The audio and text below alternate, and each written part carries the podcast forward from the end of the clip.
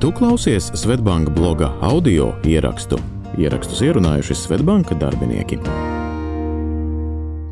Septiņi Latvijas dabas brīnumi, kas jāredz ikvienam. Burvīgus dabas skatus var ieraudzīt ne tikai eksotiskās valstīs.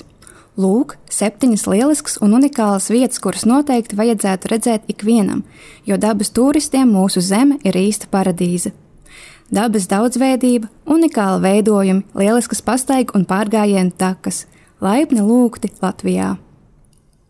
Daugavas loki Unikāls dabas parks, kas atrodas Latvijas dienvidu austrumos un iekļauts UNESCO pasaules mantojuma Latvijas nacionālajā sarakstā.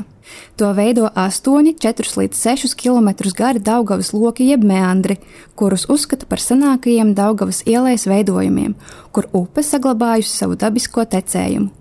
Tie izveidojušies pirms aptuveni 13 līdz 15 tūkstošiem gadu un ir glaznaina pastaigu vieta ar dabas takām, 35 km garu veloceliņu un ainaviskiem skatu torņiem. Īpaši iespējams būs brauciens ar laivu. Teritorijā var aplūkot senus pilskalnus un citus objektus. Vēlnišķīgais klusums Vēlnazarā. Vēlnazars jeb ķērtoks iespējams ir klusākā un maģiskākā vieta Latvijā – Zaļganais nekustīgais ūdens klājums, kurā neietek neviena upīte, ir gluži kā magnēts turistiem, bet atbaida meža iemītniekus. Šeit nav dzirdama kukaiņu sisināšana vai putnu dziesmas. Vēlnišķīgs klusums. Vietējo iedzīvotāju nostāst liecina, ka mežā, caur kuru jādodas uz Melnazaru, regulāri apmaldās cilvēki. Spocīgais pokaiņu mežs. Vēl viena mītiem un leģendām apvīta vieta ir pokaiņu mežs. Tajā sastopami dažādi izmēru akmeņu krāvumi, auguri un ielas, kas viss kopā rada unikālu ainavu. Tie, kam patīk maģija un kas tic mistiskām lietām, mežā var sajust īpašu auru vai pat redzēt vīzijas, bet parastam dabas cienītājam mežs ir fantastiski skaista pastaigu vieta.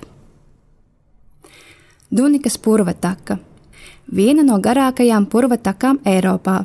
Atšķirībā no ķemera purva takas, laipa šķērso visu purvu.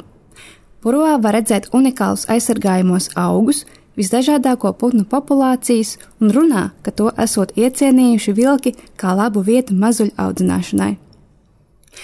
Atsliecinieki stāsta, ka saulrieta krāsas Dunikas purvā esot neatkārtojams jebkurā gada laikā.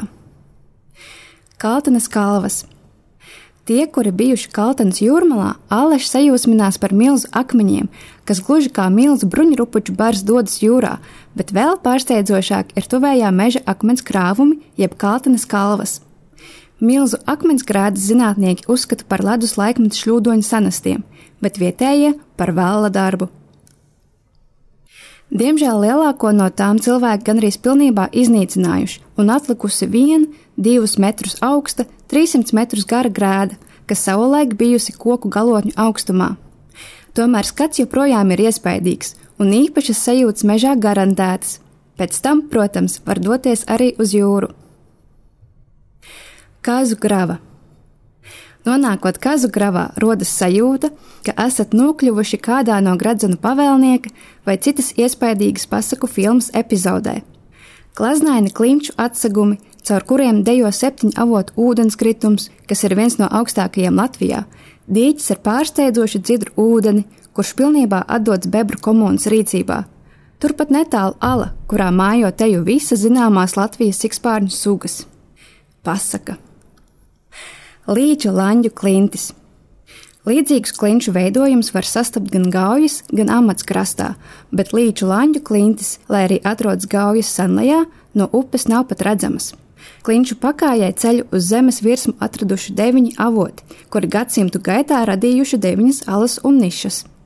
Klinšu apkaimē izveidota pastaigu taka, kas ļauj redzēt arī citus avotu darbus un nedarbus, izbaudot ūdens un akmens nesteidzīgo mūžības ritumu. Šo un citus rakstus iespējams izlasīt blog.svetbank.cl.